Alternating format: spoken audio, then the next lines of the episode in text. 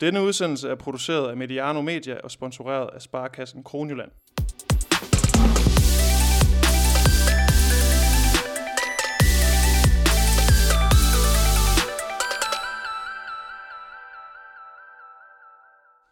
Hej og velkommen indenfor på banen her hos Mediano Håndbold. En, øh, en special kan vi vist godt kalde det i den her omgang. Vi har flyttet studiet, Jeg ja faktisk ind i min stue, så, så jeg er jo i, i hjemlige rammer og har fået rigtig fint besøg, synes jeg selv. Jeg har nemlig fået besøg af, af topdommer Mads Hansen. Velkommen indenfor, Mads. Tusind tak Emil, og, øh, og tak for, øh, for den meget fine introduktion, og tak for den varme kaffe. nu siger du selv den fine introduktion, så bliver det jo endnu bedre nu, fordi jeg har kigget lidt på dit CV. Og det er jo alen langt. Der er EM-finale, VM, Champions League-finaler.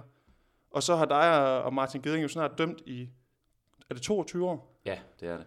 Og omkring 2500 kampe eller noget af den. Det, den du, du har sikkert talt, så det passer, passer sikkert meget godt. Nogle gange vil jeg sige, at det føles som meget, meget mere end 2500 kampe, men det, det, er nok i det, i, det er nok i det lag. Men så har I jo snart sølvbryllup. Er det noget, der skal fejres? Ja, altså nu, lige om lidt skal jeg fejre, fejre kårbryllup med min kone, altså min rigtige kone. Og, øh, og så kan man sige, så er det jo et sølvbryllup med min, med, med min grimme kone. Det kan man jo godt kalde det. Så det, ja, det kan da godt være, at vi, vi laver en æresport og får det fejret. Nu, nu nævner du, du bliver jo selv i de her ægteskabsterminologier. Er I også lidt som sådan en gammel ægtepar, at I behøver ikke nødvendigvis at sige alt. I, kan godt, I ved godt, hvad den anden tænker nogle gange. Det tror jeg roligt, jeg kan skrive under på. Øh, og, og nogle gange tænker jeg også, at det er godt, at, at ting er usagte. Øh, fordi ellers så, ellers så tænker jeg, at vi, vi oftere vil, øh, vil ryge totterne på hinanden. Der er jo ikke noget, øh, nu nævner jeg de her finaler, du har dømt, der er jo ikke noget VM for dommer. Øh, og der er ikke nogen øh, verdensmester i at være dommer, men der var den her uofficielle afstemning sidste år, hvor, ja. øh, hvor I to jo blev, blev kåret til, til verdens bedste dommerpar. Betyder det overhovedet noget? Ja, altså, jeg, jeg, jeg, jeg vil godt sige, at jeg tror måske nok, det betyder mere for os, end vi har givet udtryk for. Øhm, fordi som du selv siger, så er der jo ikke nogen, så er der jo ikke no, no, nogen egentlig uh, rangering eller nogen egentlig kåring af, hvem der gør det godt i, uh, i vores verden. Så selvfølgelig var det en ekstrem stor påskyndelse, vi fik, da vi, uh, da vi fik at vide, at vi, var, at vi uofficielt var blevet udnævnt til verdens bedste. Og, og jeg plejer da også... I mine omgivelser sådan, øh, og, og prøve at drille folk lidt med, at jeg kunne godt tænke mig, at de tiltaler mig på en lidt, lidt flottere måde, efter at jeg, efter jeg nu har fået det her... Øh, efter jeg nu har fået den her pris, som desværre ikke øh, rigtig var efterfuldt af nogen form for økonomisk øh, gevinst. ja, eller en medalje eller noget, som man kunne have hjemme på hylden, ligesom alle spillerne har. I har jo, I har jo stået og set spillerne få de her guld- og sølvmedaljer. Og så øh, har I jo så taget til takke med at måtte, øh, måtte fløjte kampene, men det går også ud fra, at du er ganske fint tilfreds med. Ja, abs- absolut, men jeg vil dog sige, at der er jo, øh, når man dømmer nogle af de store finaler, så følger der som ofte sådan en vimpel med, enten fra det ene eller det andet forbund. Så jeg har da et par store vimpler derhjemme. De har godt nok ikke fået lov til at hænge nogen steder, men jeg har dem liggende i en flyttekasse. Men, men Mads, vi har, en, vi har en bred snak foran os med mange emner på tapetet, og jeg synes egentlig bare, at vi skal, vi skal kaste os ud i det det er vigtigt lige inden, at vi går i gang, at jeg får sagt, at, at det her podcast jo er lavet i samarbejde med Sparkassen Kroneland, og det er egentlig med den støtte, at vi kan ja, ligesom forsøge at lave det her nye øh, håndboldmedie, den her nye håndboldplatform. Øh, I kan finde os på, på Facebook og Twitter, Mediano Håndbold, eller inde på SoundCloud, på din podcast-app. Tryk på abonner, så bliver vi rigtig, rigtig glade. Uh, Mads, jeg kunne godt tænke mig at lægge ud med en snak omkring, hvad skal vi sige, dommergærningen og dommerfaget, og hvordan det har udviklet sig de seneste år. Øh, nu har jeg researchet mig frem til, at du tog dommerkort i, i 89, tre år før jeg blev født. Øh, hvordan, altså, hvad kendetegner dommergærningen dengang? Jamen, der er faktisk et kuriosum på den historie, fordi at, øh, at, at det var lidt en gimmick, da jeg tog mit eget dommerkort. Og, øh, og jeg har faktisk et, eller hjemme hos mine forældre hænger der et meget, meget fint diplom øh, for optagelse i Guinness rekordbog, fordi jeg var på, det, på daværende tidspunkt verdens yngste håndbolddommer. Okay. Øh, og, og, og meget af det blev født af, at, at, at, at mine forældre begge to har spillet øh, håndbold, og min far, han, øh, min far har dømt håndbold hele hans liv, og dømmer rent faktisk stadigvæk håndbold nu i en alder af 80 år. Og jeg har indimellem også en kamp med ham, som, som dog efterhånden er en lille smule patetisk, men, men det, er, det, er su, det er super, super hyggeligt.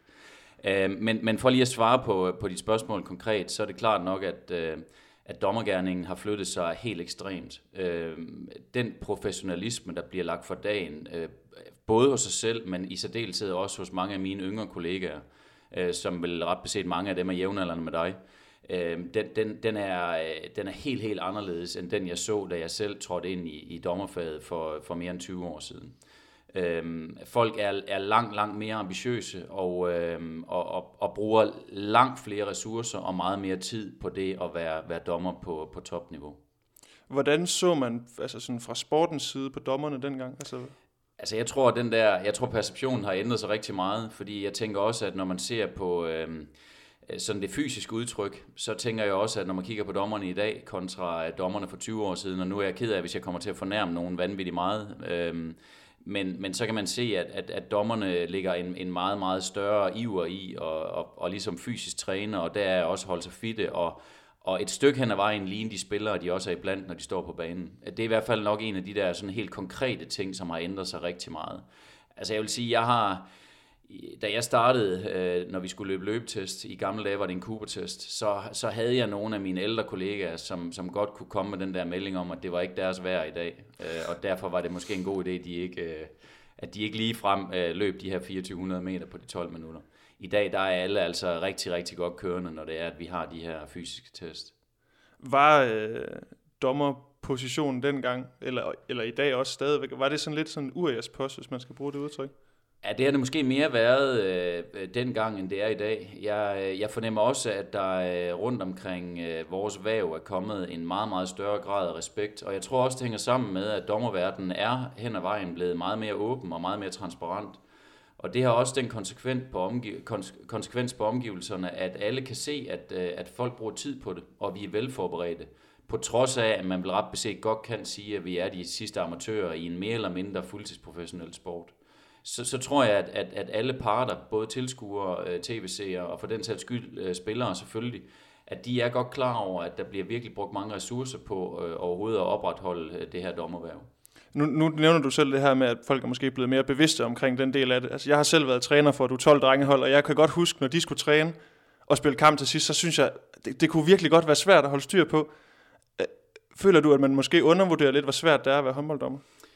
Ej, jeg synes, vi får masser af kredit, øh, og det gør vi øh, i særdeleshed både fra øh, de kommercielle partnere, altså TV2, synes jeg har brugt rigtig, rigtig meget tid på ligesom at illustrere, hvad det vil sige at være dommer, også på topplan og er gået med bag om kulisserne, forstået på den måde, at man ligesom får et indblik i, hvor meget det kræver at være dommer. Og jeg synes også at mange omgange, at der bliver skrevet artikler, hvor man rent faktisk godt kan se, at det er en, det er en svær post, vi har. Øhm, men man kan også sige, at, at afkommet for os er jo, øh, at, at, vi, øh, at vi står tilbage efter en, en kamp, hvor, hvor alle har været godt tilfredse, og, og folk kommer hen til os og tilkendegiver, at i, at i dag der løste de opgaven rigtig, rigtig godt, på trods af, at det var svært. Det er jo den anerkendelse, vi har brug for, og det er jo den anerkendelse, vi vokser af. Når man ser dig og Martin dem, så, og specielt hvordan I agerer i forhold til, til tv og medier, så virker I meget øh, åbne, og nu sidder du jo også her i dag og har lyst til at fortælle om, omkring øh, dommerlivet, og ligesom tage lytterne med ind bagved, hvordan det ligesom foregår. Øhm, og jeg husker blandt andet en episode nede fra Sønderjyske, de havde fået bygget en ny hal, hvor I skulle klæde om i et kosteskab. Altså I er meget øh, åbne, og åbner også op for for eksempel TV2, som jo rettighedshaver. Hvorfor den her åbenhed? Altså for vores vedkommende, så er det et bevidst valg. Det er, det er øh, en og alene for, at vi gerne vil tage alle parter med ind i kulisserne og se, hvordan det er at være dommer på topplan.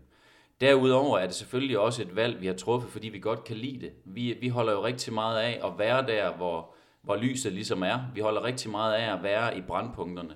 Og hvis man er det, så skal man også give noget af sig selv. Og vi føler selv, at vi giver noget af os selv ved for eksempel at invitere seerne med ind, når Martin han, øh, han sidder og, og krummer ryggen ned i Sønderjysk. Er det, er det vigtigt for tilskuere at se at få det her indblik i jeres måske lidt lukkede verden? Altså det skal jeg jo ikke gøre mig til dommer, dommer over, ja, men, men, men jeg synes jo, at, øh, at spillerne, øh, håndboldspillerne er også rigtig gode til at åbne op, og det er jo noget af det, som, som sporten ofte får positiv kritik for, det er jo, at alle kan komme meget tæt på, og ingen er for fine til at vise, hvad det, hvordan deres hverdag den ser ud. Og der, der synes jeg, at vi har en forpligtelse, som, øh, som nogle af hvad kan man sige, som nogle af bannerførende øh, på, for dommerstanden i Danmark, også for at åbne op og for at vise, hvordan vores hverdag den fungerer. Men er det også derfor, som når man så her, nu kan jeg ikke lige huske præcis, hvornår det var, men jeg kan huske, at det var en kamp mellem Aarhus og Skanderborg inde i, inde i CS Arena, hvor I får, får påmonteret et GoPro-kamera i panden hver så er det, også, er det også en af de ting, der ligesom et af, et af de tiltag, I gør for at ligesom åbne dørene. Hvorfor, altså, hvorfor gjorde I egentlig det, kunne jeg egentlig godt tænke mig? Jamen altså for det første, så gjorde vi det, fordi at vi, øh, vi synes, det var et vanvittigt spændende eksperiment. Øhm, og så besluttede vi os for, at det måske var en lille smule bedre at få, få tilgivelse end tilladelse, fordi jeg er ikke sikker på, at, at alle i vores organisatoriske bagland synes, at det var vanvittigt fint, at vi løb rundt med GoPro-kamera på. Men, men man kan bare sige, at det, der kom ud af det, viste sig jo rent faktisk at være noget materiale, som var rigtig spændende for, for alle at, at få et indblik i. For det første, så egoistisk set, fik vi jo rigtig meget ud af det. Vi fik jo materiale efterfølgende, så vi, kan jo rent, vi fik jo rent faktisk adgang til at se, se kampen igen fra vores egne øjne. Og det virker jo sådan lidt bizart, men, men, fordi vi havde jo set kampen en gang, men lige pludselig fik vi ligesom vores egne øjne endnu en gang. Og det var et øh, kæmpe wake-up call, øh, når vi sad og så, øh, så materialet igennem. Fordi der var mange af de her, der var rigtig mange af situationerne, hvor vi kunne se, at vores øjne simpelthen var, var rettet forkert i forhold til, hvor de burde være. Og det, det vil vi jo aldrig nogensinde lægge mærke til, hvis det er, at vi bare laver vores almindelige analysearbejde på en almindelig kamp. Så, så egoistisk set var det, jo, var det jo for at få det materiale efterfølgende. Men jeg vil sige, grund, grunden til sådan i forhold til, til tv-seere og, og dem, der nogle gange kunne følge den her sportsdokumentar, det var jo mest for at få indblikket i, hvor svært det i virkeligheden er at dømme den her håndboldkamp. På trods af, at den her kamp mellem Aarhus og Skanderborg var en forholdsvis let kamp, og ikke en kamp, hvor, øh, hvor, hvor det hele eksploderede. Øh, TV2 havde rent faktisk et ønske om, at vi skulle måske have haft en kamp, der var sådan lidt mere øh, Øhm, på papiret øh, en mulighed for at, at, at blive lidt mere, øh, hvad kan man sige, springfarlig end den kamp, som vi så endte med at vælge. Og det vil jeg sige, det, det er jeg glad for, at vi ikke, vi ikke gik ind i, fordi så var det blevet, mere blevet for at se de der konflikter, vi har med spillerne i løbet af kampen. Og det var slet ikke det, der var intentionen fra vores side. Men alt i alt synes jeg, at udbyttet var helt fantastisk, og jeg ved, at TV2 har fået rigtig meget fin respons. Ja, de har jo også, de lavede jo sådan en test, hvor man kunne sige, hvad vil du have dømt i den her situation? Men, men for at blive ved det, du siger med, at, at I kunne bruge det i arbejdet bagefter, hvad, altså hvad var der, hvad kunne I se af konkrete ting? Nu nævner du det med, med øjnene, altså hvor blikket var hen. Altså hvad havde I sådan af konkrete ting i det materiale, som, som I kunne gøre anderledes? Altså, vi kunne, jo, vi kunne jo se, at vores placeringer øh, af flere omgange var forkert. Altså den måde, som vi positionerede på på banen der fik vi simpelthen et, et fantastisk grundlag for at se, at, at vores placering ikke var hensigtsmæssig i forhold til, hvor spillet var. Derudover så kunne vi af flere omgange også se, at vi, øh, specielt når vi står som måldommer, det vil sige den dommer, som holder øje med, hvad der sker i stregområdet, hans fokus var på bolden. Det vil sige den bold, der flyttede sig ud omkring 3 meter linjen. Og det er jo totalt tåbeligt, fordi hans fokus, det skal jo ligge inden omkring øh, den, den, den kamp, der er om stregpositionerne. Så der kan vi jo bare se, at vi stod og kiggede håndbold. Han der stod nede på baglinjen, han havde flere omgange, hvor han simpelthen bare stod og fulgte bolden, uden nogen form for mening. Så, så det er jo noget af det, vi har kunne tage med efterfølgende. Og, øh, og, og hvis vi får den der hvis vi får den der fornemmelse af, at nu står vi og kigger håndbold, så kan vi lige minde hinanden om, at nu skal jeg altså lige sørge for at holde fokus det rette sted. Og det var et wake-up call, og det havde vi aldrig fået, hvis vi ikke havde set det her efterfølgende. Så er det her et redskab, som I godt kunne tænke jer at gøre brug af, altså sådan løbende fremadrettet, altså nu, hvis man gang på gang kan lægge lag på ved at, at få, få øje på nye ting, altså er det et redskab, I kunne tænke jer at tage, tage frem igen? Altså øh, TV2 havde jo en, en ret hed drøm, tror jeg, om at, øh, at man kunne simpelthen sende live fra de her kameraer, og jeg kan jo også godt se, at vi lige pludselig kunne flytte en, en kameravinkel ind, som man ikke kunne få på nogen anden vis.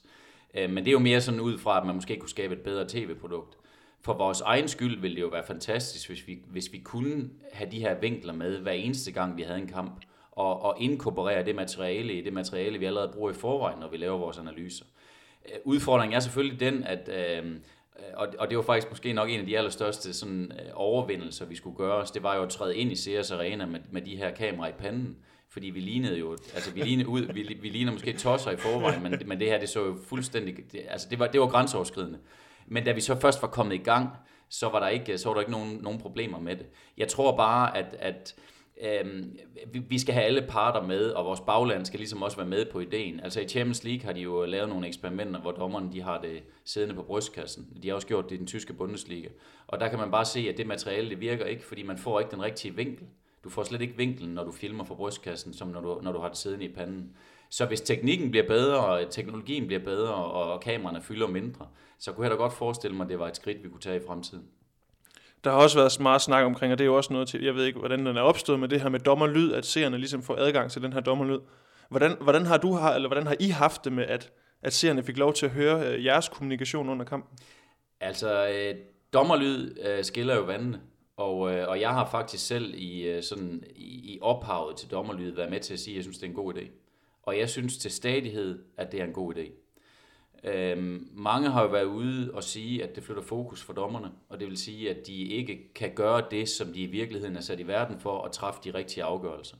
Men jeg må bare sige, når jeg har siddet og evalueret på mine egne kampe, og når jeg har set andre af mine kollegaer, der, der har benyttet dommerlyd, så må jeg bare sige, at jeg synes, det giver et helt fantastisk tv-produkt. Jeg synes, at det flytter, det flytter tilskuerne og tv-seerne tættere på. Og det vil sige, at ofte har vi jo afgørelser i håndbold, fordi at håndbolden er så komplekst et spil, som det er, og med et regelsæt, der er utrolig komplekst, så har det måske øh, givet nogle af de her forklaringer, som folk nogle gange har siddet og efterspurgt.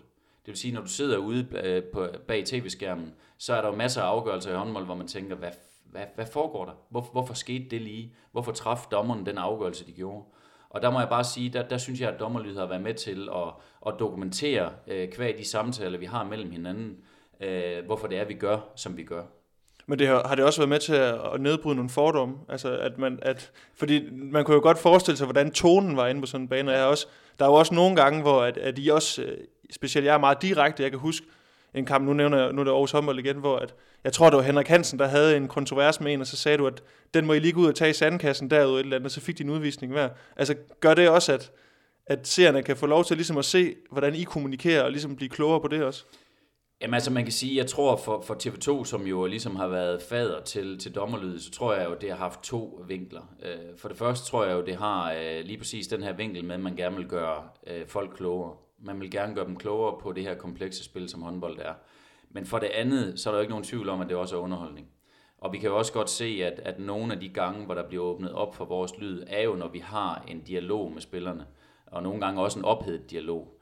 Men jeg synes bare, at det her det viser, at øh, vi er, vi er meget menneskelige. Og jeg synes også, det viser, at den der tone, der er i en håndboldkamp, er jo både venskabelig. Øh, den foregår selvfølgelig sådan i, i et adrenalinbetonet miljø. Så derfor kan der jo også indimellem ryge en finger af panden. Men jeg synes bare, det viser meget godt, at vi jo har stor respekt for hinanden. Uanfægtet af, at jeg som dommer godt kan sætte to spillere på plads. Og uanfægtet af, at der er nogle spillere, der godt kan give øh, mig en bemærkning tilbage.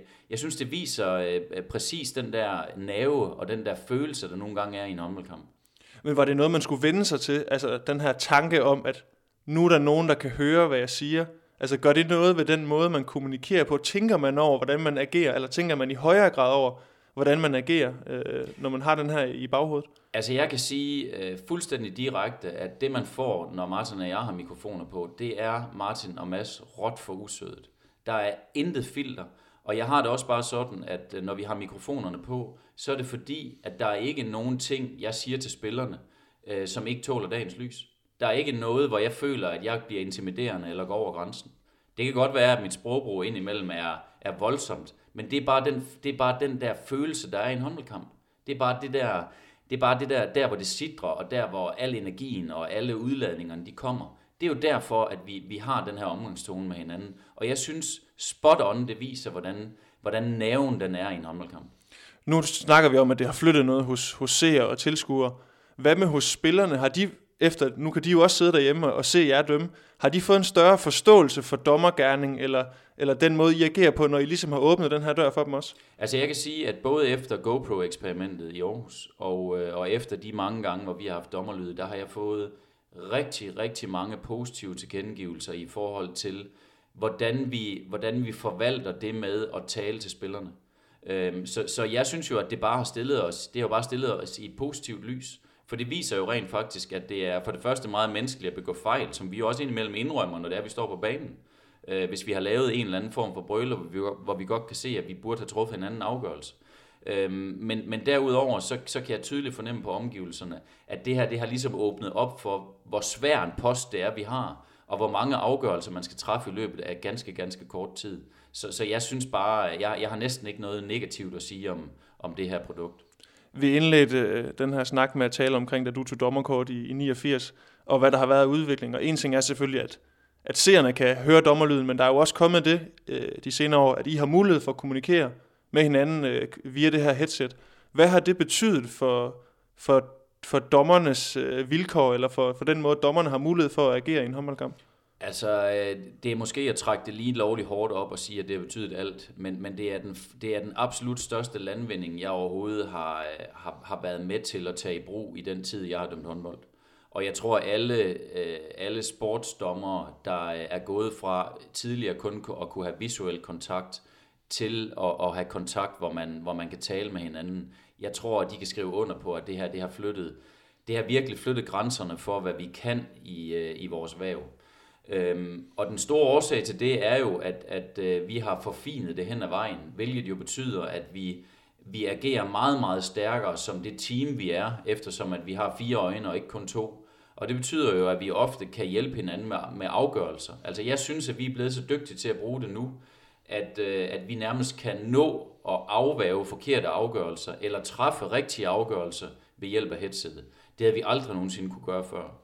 Men hvad med i starten? Der må også have været en periode, hvor det har været Øh, nu har jeg dømt i så mange år, det må også have været meget mærkeligt i starten, at du, du skulle høre på, på Geding hele tiden, altså, åh, nu, nu er han der igen, ikke? Altså. Jo, altså først hører jeg på ham i bilen på vej til kamp, og ja. jeg hører på ham før kamp, og nu skulle jeg også øh, lægge øre til ham under kampen. Øh, jeg tror, jeg tror faktisk, hvis jeg skal være helt ærlig, det er værre, det har været værre den anden vej.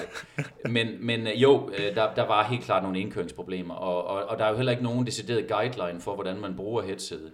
Øh, jeg vil faktisk, hvis vi lige skal prøve at dykke tilbage til det med dommerlyden, så noget af det dommerlyden også har bidraget til, det er jo, at vi nu kan få det materiale, øhm, øh, der ligesom ligger til grund for hele dommerlyden. Så det vil sige, at vi kan, vi kan høre det, vi taler om under kampen, samtidig med, at kampen den løber. Så det vil sige, at vi efterfølgende jo har mulighed for at se, hvordan vi reagerede i en, i en, i en given situation. Og det er jo også noget læringsmæssigt, som vi kan bruge til rigtig, rigtig meget. Så, så, man, så man kan sige, øh, headset-delen, den, øh, den har virkelig, virkelig gjort, at, øh, at vores afgørelser er blevet, synes jeg, øh, langt mere rigtige hen ad vejen.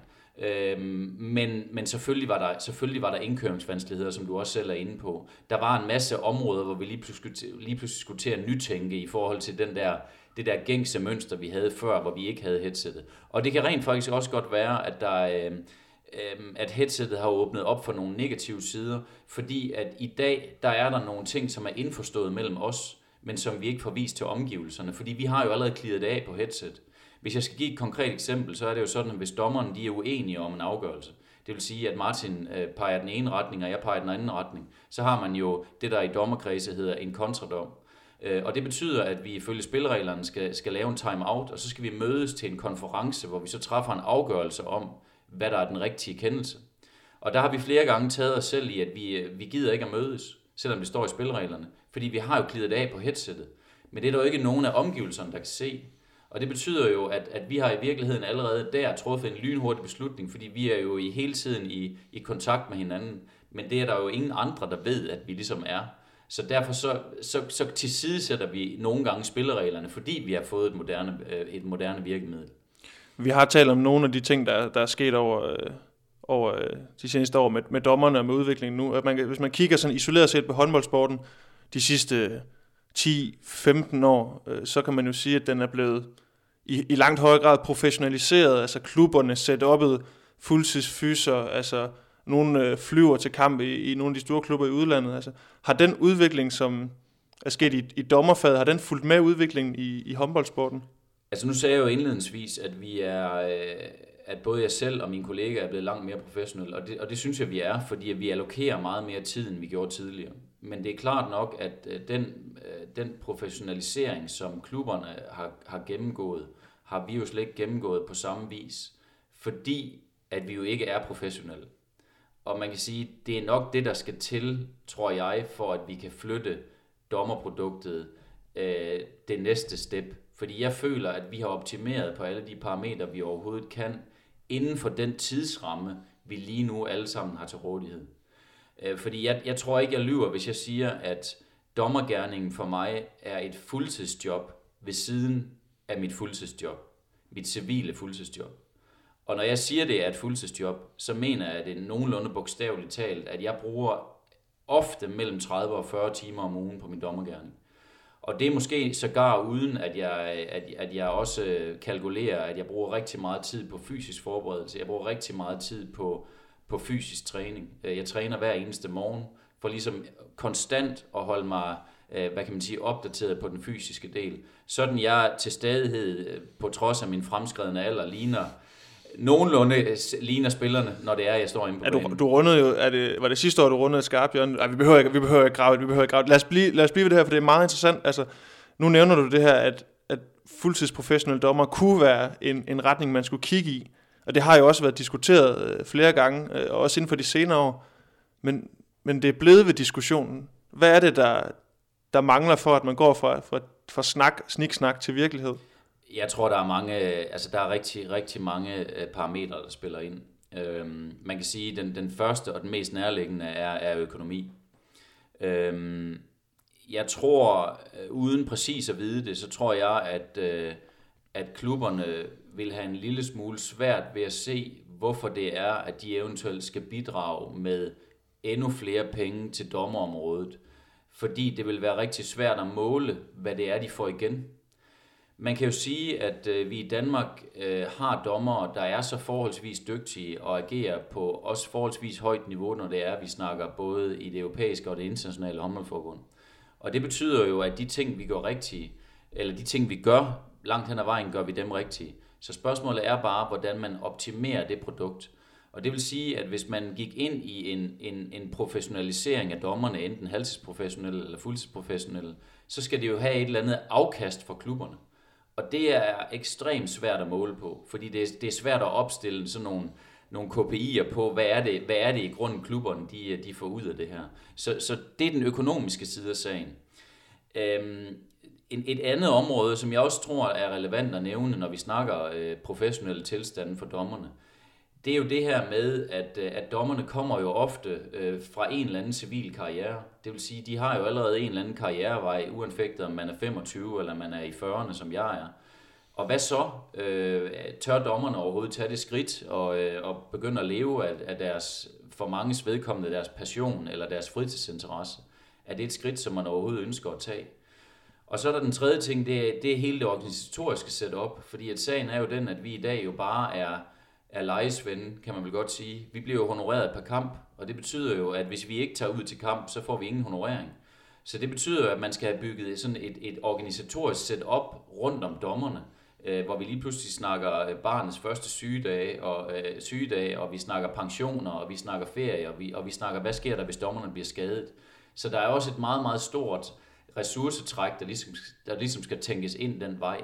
Hvem skal være arbejdsgiver? Er det divisionsforeningen, som ligesom er interesseorganisationen for klubberne? Er det Dansk Håndboldforbund?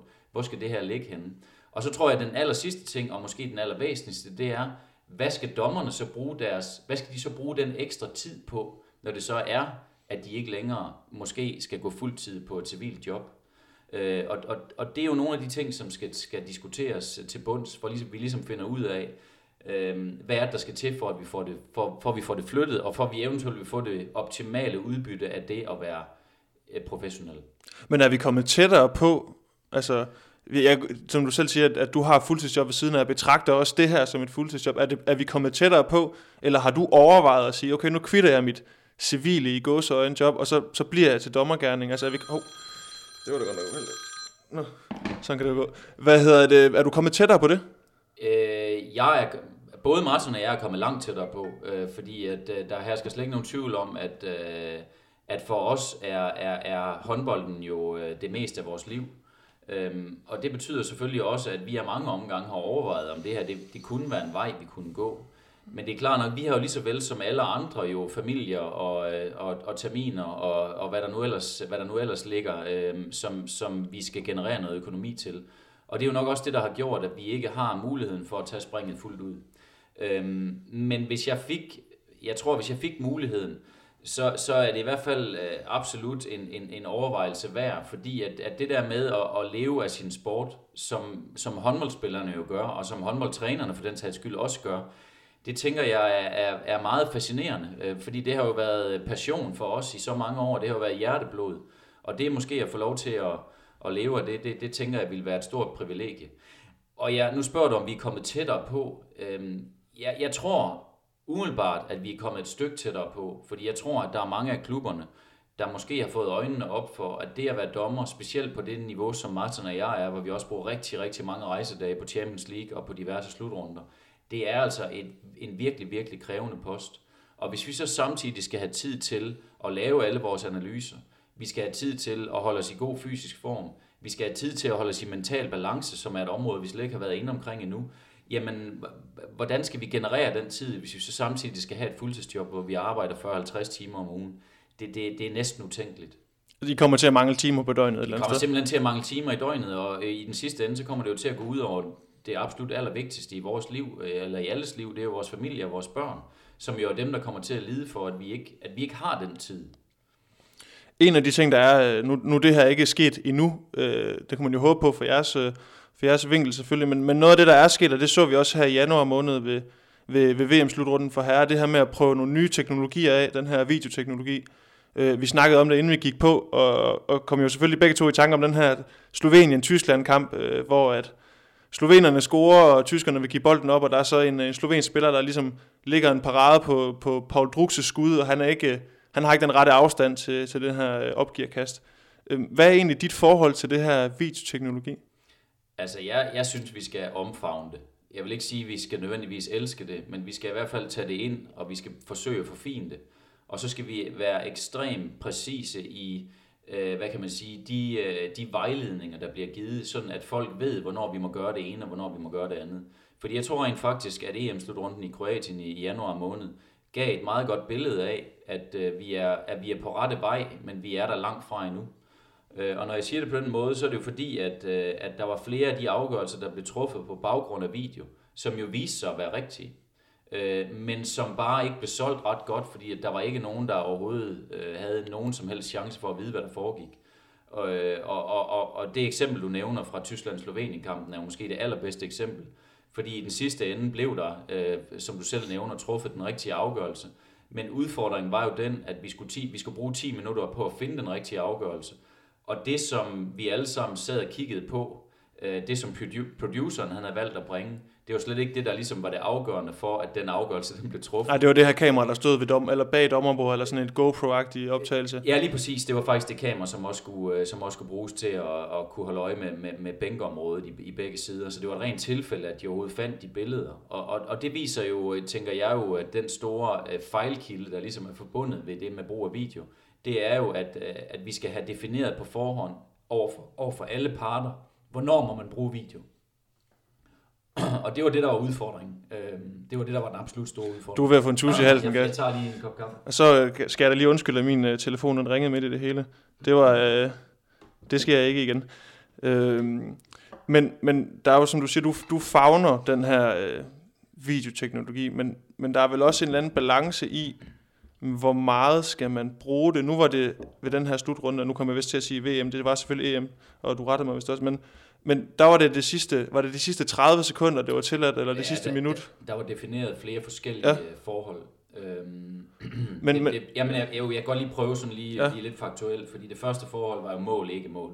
Ja. Og mål, ikke mål er jo, er jo, er jo fuldstændig objektivt. Og, og det, det blev brugt rigtig mange gange under EM, og det der er det fantastiske ved mål, ikke mål, det er, at når det er gennemset på video, så accepterer holdene.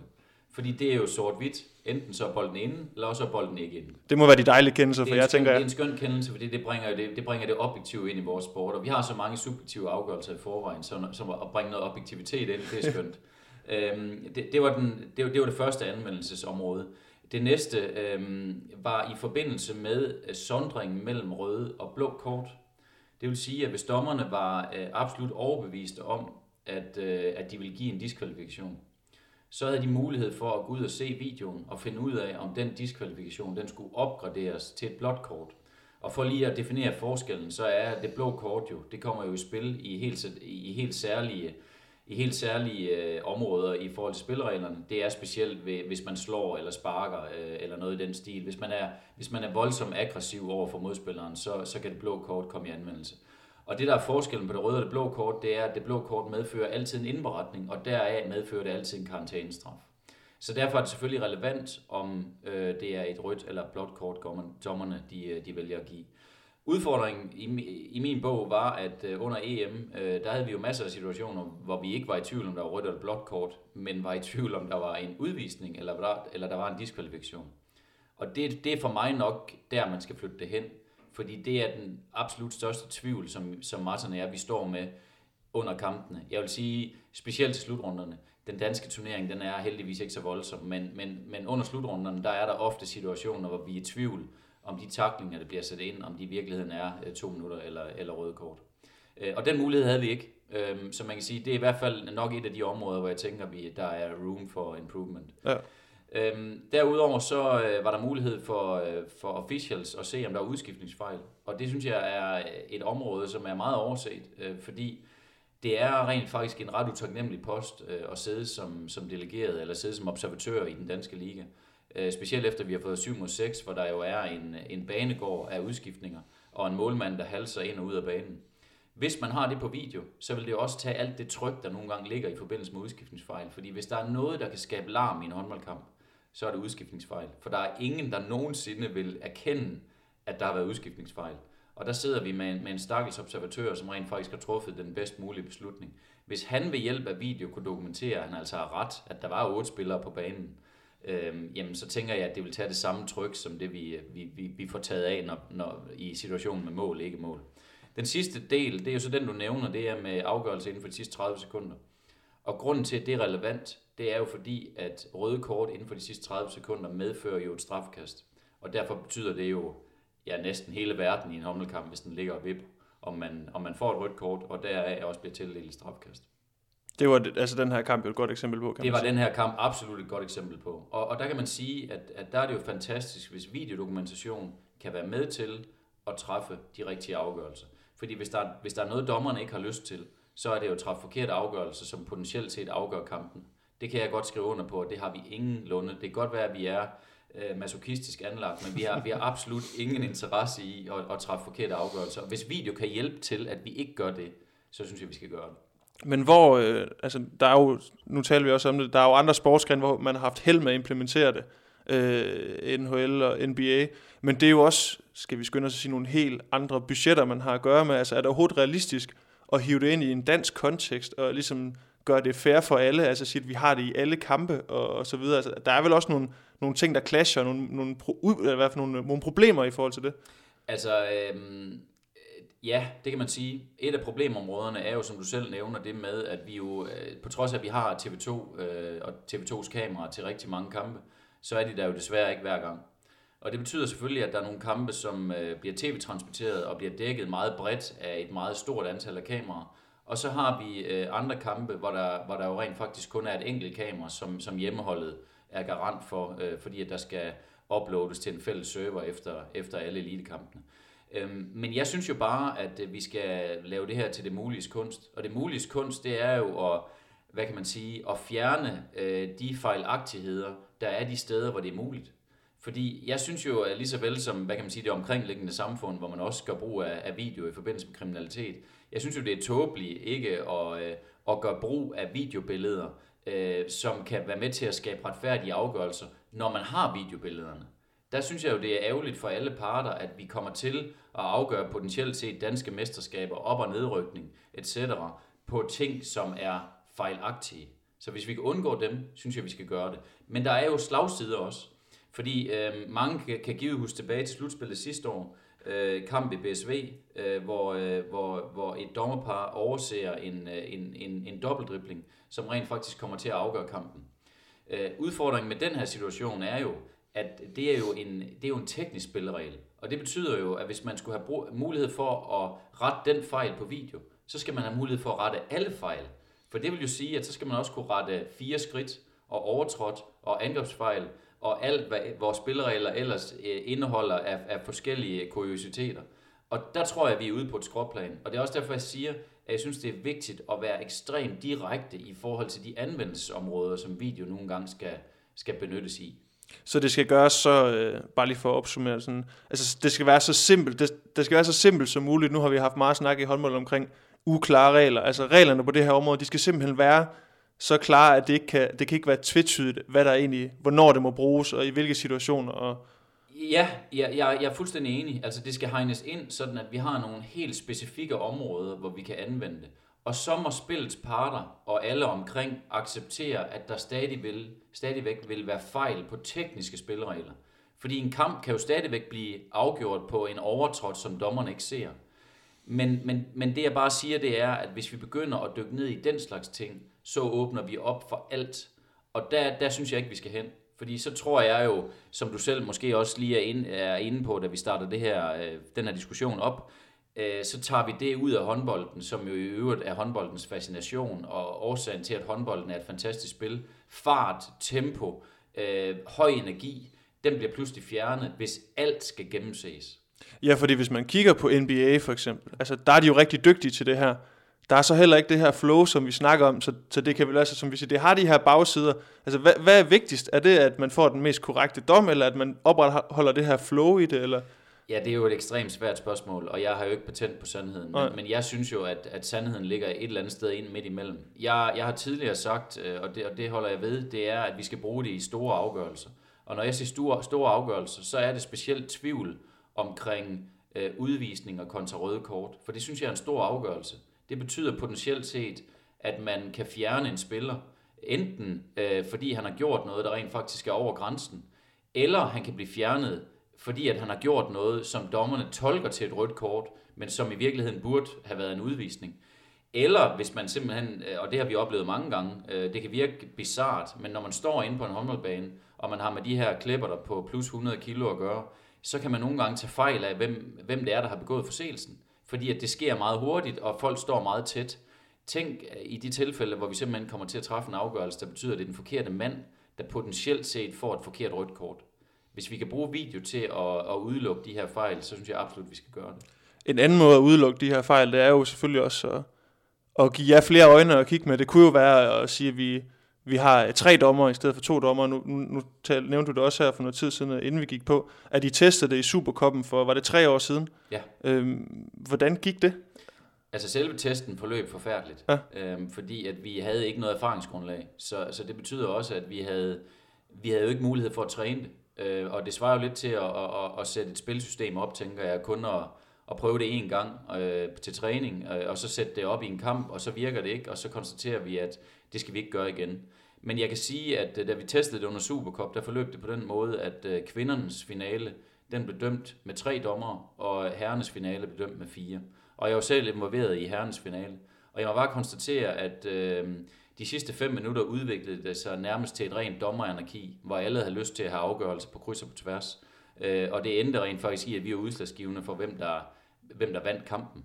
Så på den måde kan man jo sige, at, øh, at selve eksperimentet var en kæmpe fiasko i hvert fald i forhold til fire dommer. Tredommersystemet i kvindernes finale fungerede langt bedre, og, øh, og jeg tror også, at hvis det er en vej, vi skal gå, så tror jeg også, at alle, alle i dommerkredse er enige om, at, at at hive en ekstra dommer ind, ville nok være det, øh, der skulle til for at få, nu nævner du selv det der med ekstra øjne, men, men, men seks øjne vil sandsynligvis bidrage til, det, til de problemområder, som vi har i dag.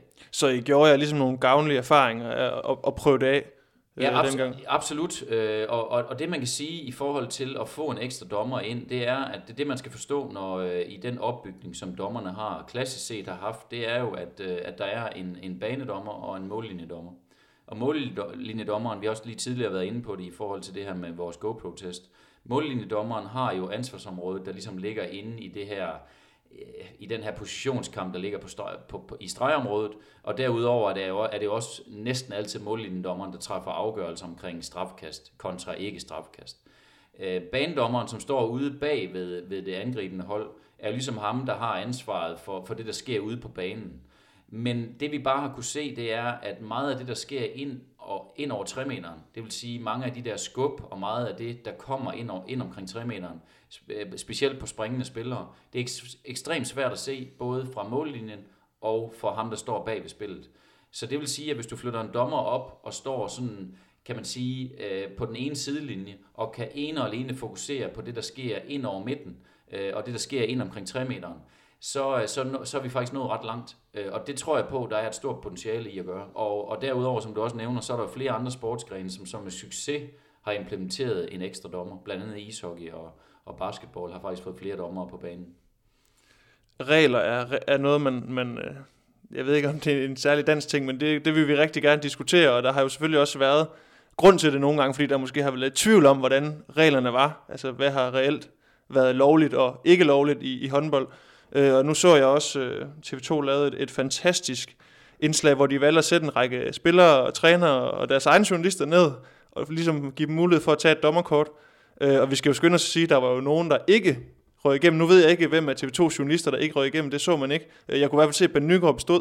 Øh, men det her med, at der er nogle af de her helt centrale aktører i sporten, som ikke kan reglerne fuldstændigt. Øh, en sport, som de beskæftiger sig professionelt med. Nu snakker vi om amatør kontra professionel. Er det ikke et problem?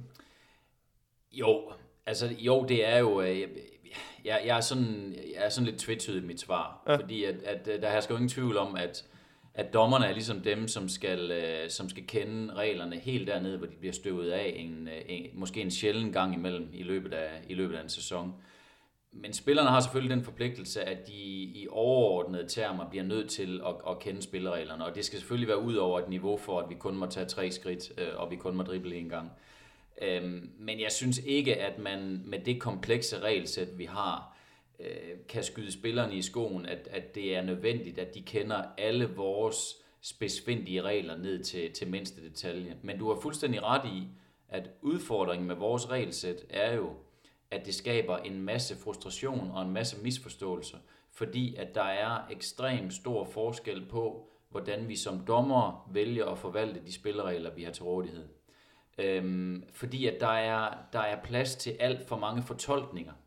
Der er plads til alt for mange opfattelser af det samme regelsæt. Og, og det er også, hvis man går spillereglerne efter i sømmene, så er vores, indeholder vores spilleregler jo ud over selve regelsættet, jo en, nærmest et kompendie, som skal fortolke regelsættet.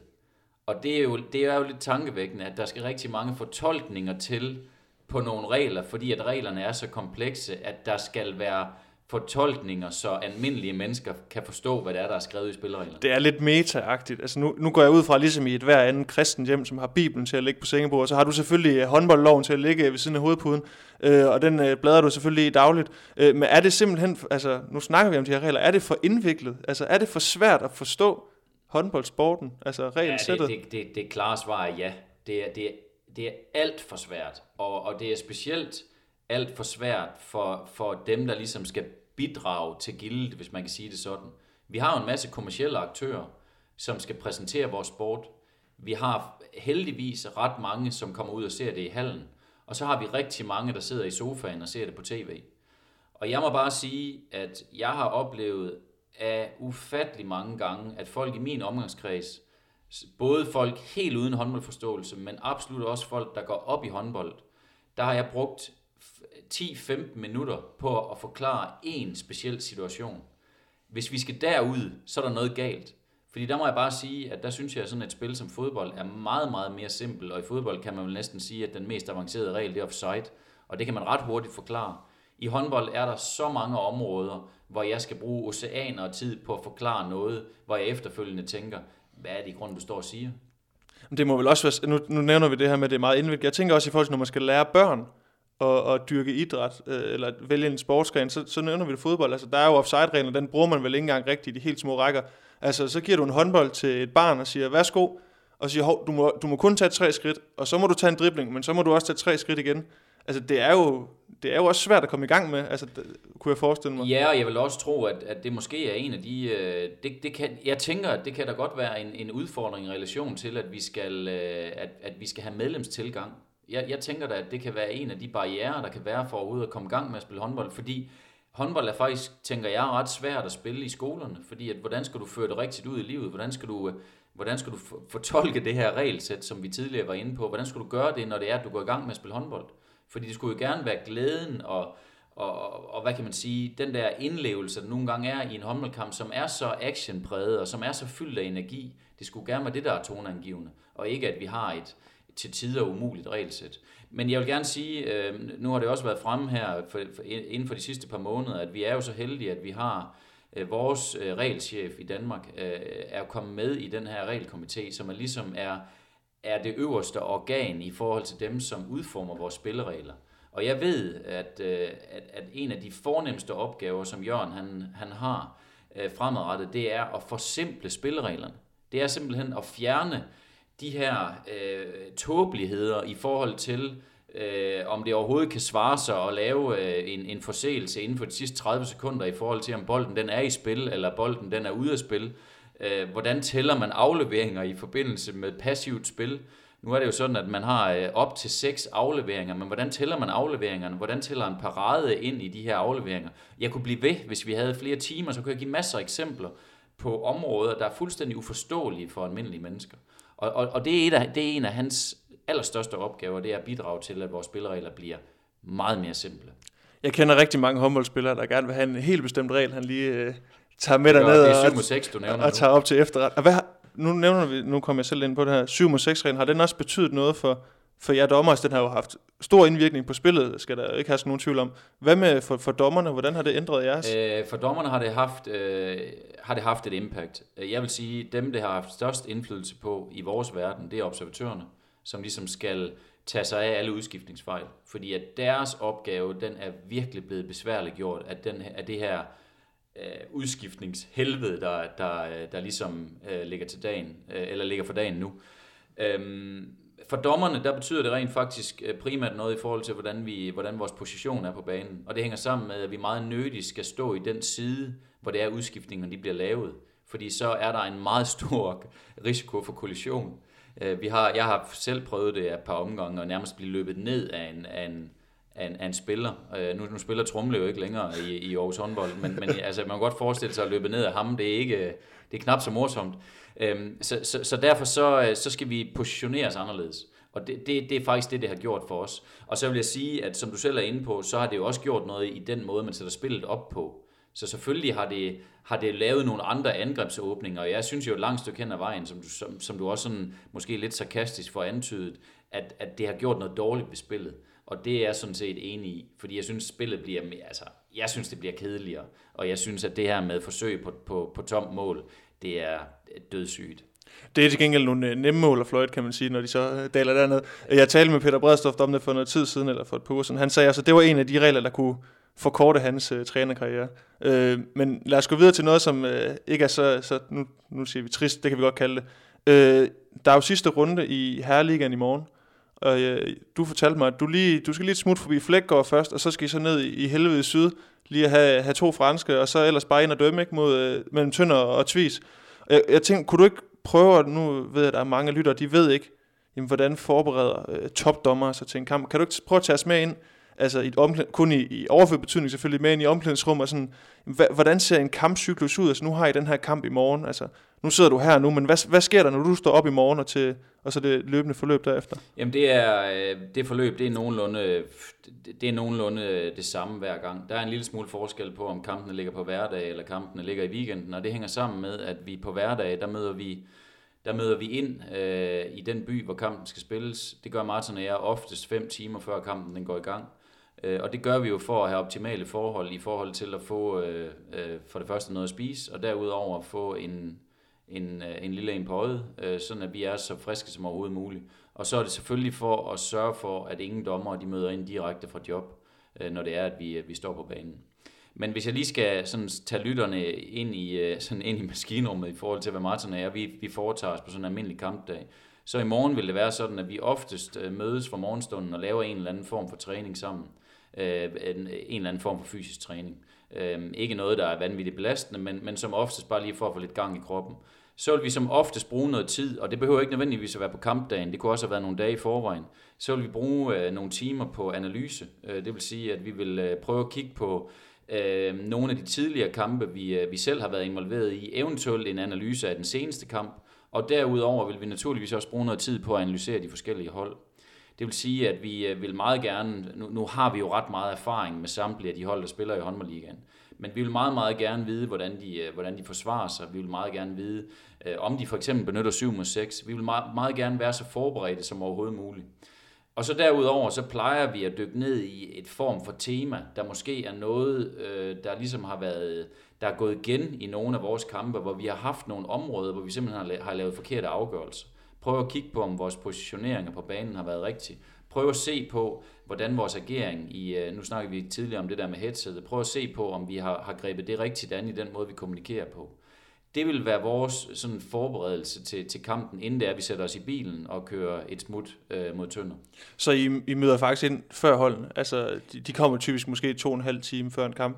Ja, det, altså det vil vi helt, det vil vi givet gøre. I står klar til at hilse på dem, når de kommer? Ja, det vil, vi helt, det vil vi helt sikkert gøre. Og så vil det være sådan, at når vi kører fra Øh, øh, hotel vandrehjem, hvor end vi er indkvarteret, så vil det være sådan, at vi vil være i hallen cirka halvanden time før, hvor det første vi gør, det er selvfølgelig at hilse på alle dem, vi møder, når vi kommer ind. Og så derudover vil vi deltage i det tekniske møde, som finder sted en time og kvarter før kampstart. Og på det tekniske møde, der, der får vi jo altid lige gennemgået øh, trøjefarver, vi får gennemgået bolde, vi får gennemgået alle de der praktiske ting. Hvis der er tv i hallen, så skal vi lige tage stilling til, Øh, hvor tidligt øh, det er, at spilleren skal ind. Er der øh, risiko for konfetti og alle de her forskellige ting? Skal der, skal der allokeres ekstra folk med koste, sådan det er, at, at banen den ligesom er klar, når det er kamptidspunktet, det, det er. Øhm, og så derfra, så plejer det at være sådan, vi plejer lige at sidde og have en chit-chat med observatøren inden kampen, og så cirka tre kvarter før, der går vi i omklædningsrummet, og så, så starter sådan den konkrete forberedelse op mod kampen. Ja. Nu, øh, den bliver jo kaldt helvede syd, den her, lige skal ned i morgen. Gør man så nogle ekstra overvejelser i forhold, eller nogle, gør man noget, forbereder man sig anderledes, når man skal spille i en halv, hvor der er jo reelt fare for at snuble over tilskuernes fødder? Nej, men det, det er rent, øh, måske lige tyndere øh, halv to, som kampen den skal spilles i i morgen. Øh, der tænker jeg, der skal man være lidt øh, bevidst omkring, at, at tilskuerne sidder, sidder meget, meget tæt på. Normalvis så spiller de ydre rammer jo ingen, ingen forskel overhovedet, fordi at banen er jo, er jo 20 gange 40 meter. Øh, så, så det er oftest ikke noget, vi, øh, vi ligesom... Øh, øh, har nogle holdninger til overhovedet, og det er heller ikke noget, der spiller ind i vores forberedelse. Men du har ret i, lige præcis i Tønder, der er folk meget, meget tæt på, så der skal man passe på ikke at komme alt for langt uden for banen, når man har tilbageløb. Ja, især hvis der sidder nogen med store fødder, så kan du hurtigt øh, præcis, komme galt afsted. Øh, sådan, hvis vi nu havde sådan en kamp som den i morgen, så hvad er det, I går og arbejder med at tænke lige for tiden? Altså nu nævner du de her, I har nogle nedslagspunkter. Altså har I noget, som lige nu er det, der optager jer? Det her, det skal vi simpelthen stramme op på, eller blive bedre til, eller udvikle? Ja, vi har, øh, vi har faktisk nogle øh, områder, som vi har tematiseret lidt i den her sæson, øh, og det er også på baggrund af nogle af de observationer, vi har gjort os, øh, øh, når vi har været til slutrunde. Øh, jeg tror, jeg kan, jeg kan i hvert fald give tre konkrete eksempler. For det første så øh, har vi observeret, at øh, der bliver dømt for mange angrebsfejl, hvor den forsvarende spiller ikke er positioneret rigtigt. Det vil sige, specielt i det her område, der ligger mellem, mellem fløj og bak, der vil det ofte være sådan, at fløjen han, han kommer ind fra siden, men han er ikke på stedet, hvor den angribende spiller kommer. Der er en tendens til, at der bliver dømt alt for mange angrebsfejl. Vi, vi ser også ofte, at fløjene ligesom formår at hoppe op i den angribende spiller, og det afsted kommer for mange forkerte angrebsfejl, som i virkeligheden øh, burde have, have affødt frikast i stedet for. Det er et område. Det næste område, det er øh, noget, vi har været ret konsekvente i forhold til, det er brug af advarsler. Øhm, advarslen er jo, lidt, er jo sådan lidt en sjov bestrafning i håndbold, fordi at øh, den eksisterer jo, og det er jo sådan, at man i håndbold må give tre advarsler til hver enkelt hold. Øhm, vi kan bare se, at der er en tendens til, at dommeren de liger bare tre advarsler af, fordi at så kommer man til den rigtige straf. Og der er heller ikke rigtig nogen af spillerne, der, der, øh, der, der bider sådan en sønderlig mærke i at få en advarsel. De tager som oftest bare lige hånden op og accepterer, at de får en advarsel, for de ved jo godt, at det ikke har nogen betydning. Så derfor har vi prøvet at være ret konsekvente i forhold til, hvordan man bruger advarsler. Det vil sige, når man bruger advarsler, så er det for at give en signalering om, at det du gør der, det er simpelthen over grænsen. Og vi vil ikke give advarsler noget for noget, som ikke senere i kampen vil, vil afføde en to minutters udvisning. Det har vi haft som et, et meget, meget stort tema den her sæson. Og så vil jeg sige, at det sidste område, som vi har prøvet at dykke ned i, det er straffekast vi er nok lidt af den overbevisning, både i kvindeligaen og i herreligaen, at der bliver givet for mange straffekast, hvor skytten rent faktisk har en fri chance. Det betyder, at på trods af, at den forsvarende spiller står i feltet, men den angribende spiller har fuld kontrol over krop, over arm, og får, øh, får foretaget et, et skud, som er mindst lige så godt som et straffekast, så skal vi lade spillet rulle. Det vil sige, at man skal ikke have en ekstra chance for æret, hvis det er, at man har fået en rigtig afslutning. Der må vi bare konstatere, at der er i min verden for mange strafkast i håndbold. Og, og, og det har vi prøvet at, at dykke ned i. Okay. Man, man snakker tit om, øh, nu har jeg selv spillet det her med, at, at en dårlig aflevering afler endnu en dårlig aflevering. Altså fejl afler ja. fejl. Er det også noget, man, man kan sige, det gør sig gældende på dommersiden? Hvis I laver en fejl, så er, I, er der større sandsynlighed for, at I laver en fejl mere, eller hvordan tænker du om det? Absolut. Jeg, altså, jeg, jeg har jo lyst til at sige, at det finder aldrig sted. Vi kompenserer aldrig. Vi går, øh, når vi laver en fejl i den, anden, i den ene, så går vi aldrig op og laver bevidst en fejl i den anden, og det gør vi absolut heller ikke. I hvert fald ikke bevidst. Øh, men det er jo et område, som vi jo øh, prøver at arbejde med altid. Fordi det aller værste, det er jo, hvis hvis en fejl afsted kommer en ny fejl, fordi man gerne vil kompensere. Og der plejer jeg at være sådan rimelig klar i min retorik over for spillerne, øh, som ofte vil henvise til den fejl, man så har lavet i den ene ende, så vil de jo ofte henvise til, øh, jamen i den ene ende, der dømte du det her, hvorfor gør du ikke det samme i den anden ende? Og der vil mit svar altid være, jamen en fejl skal jo ikke få en led en ny, fordi så, så, så, så skal jeg jo hele tiden blive ved med at holde et kompensationsregnskab op i hovedet. Og hals efter i 60. Og hals efter. Og det, og, og det skaber ikke nogen god dommerpræstation. Så derfor vil jeg sige, at hvis vi laver en fejl, som vi bliver bevidste om, så gør vi jo alt for at undgå at lave en ny fejl. Men når det så er sagt, så vil jeg også gerne indrømme, at det der jo nogle gange sker, det er, at vi har op i hovedet lidt et regnskab. Altså, vi har jo sådan lidt en fornemmelse af, hvis der er noget, der er ved at tippe helt skævt. Og det kan man jo sige, det er jo ikke færre at sidde og sige, men, men det er bare med til at ligesom få kampene afviklet. Det skal ikke forstås på den måde, at det er synd for nogen. Det skal ikke forstås på den måde, specielt ikke når vi har med elitesport at gøre, at hvis det ene hold er foran med 10, så skal det jo ikke være sådan, at man så skal til at dømme 55-45 i, de, i, i modstanderholdens favør. Men, men alligevel, så tror jeg alle sammen, alle os, der har prøvet at stå inde på en håndboldbane med en fløjte i munden, vi ved godt, at det ikke er rart at gå fra en kamp, der er endt øh, 10-1 i udvisninger. Det, det, øh, så vil alle få en fornemmelse af, at der er noget galt. Selvom at de 10 udvisninger og den ene udvisning rent faktisk på alle måder godt kan være rigtige det med at lave, altså når man er dommer, handler det så også om, at man skal forene sig med tanken om, at man laver fejl? For jeg kunne godt forestille mig, at det er også en, en proces, man skal igennem. Det er absolut en præmis. Det er en præmis for det værv, vi nogle gange har påtaget os. Og hvis man ikke kan acceptere den præmis, så skal man på ingen måde være, være en del af det her setup. Fordi at, at fejl er uundgåelige. Og jeg tænker også, og det er jo meget karikeret, men jeg tænker jo også, at vi bliver nødt til at lave fejl for at dygtiggøre os jeg tænker, at, at det er det samme, der gør sig gældende for spillerne og for træneren, der tager en chance med et eller andet. Øh, og, og hvis det ikke lykkes, jamen skal man så bare stoppe? Nej, det, man skal selvfølgelig blive ved. Så derfor er det naturligvis en, ligesom en, øh, hele grundelementet i det at, at gøre det, vi gør, det er jo, at, at der forekommer fejl. Jeg synes bare, det er ekstremt vigtigt, at vi også står til ansvar for vores fejl, og naturligvis øh, delagtigt gøre dem, der er en del af sporten i, at vi laver fejl i nyerne. og øhm, men det nytter naturligvis ikke noget at indrømme 10 fejl i løbet af en, i løbet af en kamp. Altså så bliver man jo nærmere, så bliver man nærmere latterliggjort. Men jeg vil godt sige, at det kan jeg mærke øh, igennem den tid, jeg har været en del af det her. Jo mere erfaring jeg får, og, øh, og jo mere jeg har oplevet, jo mere jeg har prøvet at stå i brandpunkterne, og stå i de her store opgør, som du også nævnte indledningsvis, jo, jo mere stærk i troen bliver jeg, når jeg står inde på banen. Nu, øh, nu hørte jeg en af jeres tidligere podcast, hvor, øh, hvor, hvor Jacob Gren havde interviewet Lars Jørgensen. Og Lars Jørgensen, han, han siger noget meget tankevækkende i forhold til det der med, at han var så godt trænet, og han var så godt forberedt, at han havde oplevelse af at stå på banen, hvor han var uovervindelig. Han, han, der var ikke nogen, der kom forbi ham. Han, han, han kunne nærmest ikke lave fejl, og hvis han lavede en fejl, spillede det ingen rolle, for han var lynhurtigt videre til den næste. Jeg har indimellem oplevelser, måske sjældent vil nogen sige, men jeg har indimellem oplevelser af, at når jeg står på banen, uanfægtet af, at jeg laver en fejl. For det første tror jeg ikke, at jeg laver ret mange fejl, men uanfægtet af, at jeg laver en fejl, så slår det mig aldrig ud. Jeg kommer aldrig ned, og jeg kommer aldrig ned og ligge, forstået på den måde, at, at, at det vælter mig, og for den sags skyld vælter os som konstellation, Martin og jeg som konstellation. Så stærke synes jeg, at vi er blevet. Og det er vi selvfølgelig, fordi vi har samlet en masse erfaringer op, og vi har en masse know-how på det, vi gør, men også fordi vi føler, at vi er forberedt. Og forberedelsen er bare, altså man kan jo nogle gange sige, at, at, at det der med, at detaljerne er, er afgørende for, for spillerne. Øh, nu er der mange, der snakker om den her kamp mellem, øh, hvor Skjern jo gennem Pryl og Vestbrem øh, i, i sidste weekend, og, og så ender de faktisk med at stå og være utilfredse med at vinde med syv jeg, jeg elskede Kasper Søndergaards øh, interview efter kampen, hvor han faktisk var mest pissed over, at de kun vandt med 7 og ikke vandt med 9 eller 10. Det er jo fordi, at, at djævlen ligger i detaljen, og, og, og det kan være detaljer, der afgør, om skæren de kommer videre til en fuldstændig sensationel kvartfinale, eller at, øh, at de ryger ud, når de kommer til at stå nede i helvede i Vestbrem øh, næste weekend. Og på samme måde for os dommer. Jeg synes, der er mange paralleller at trække.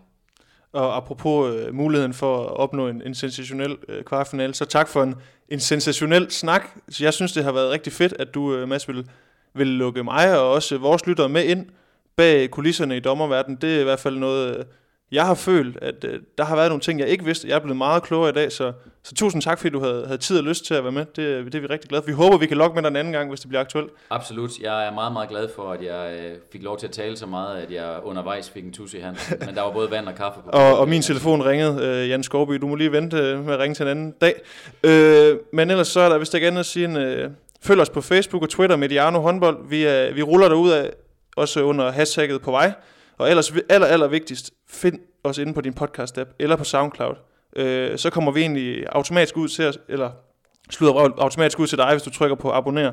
Så tryk lige på abonner, så, så bliver både Jakob og jeg øh, rigtig glade. Og ellers så øh, tak for i dag, og vi, vi lyttes ved.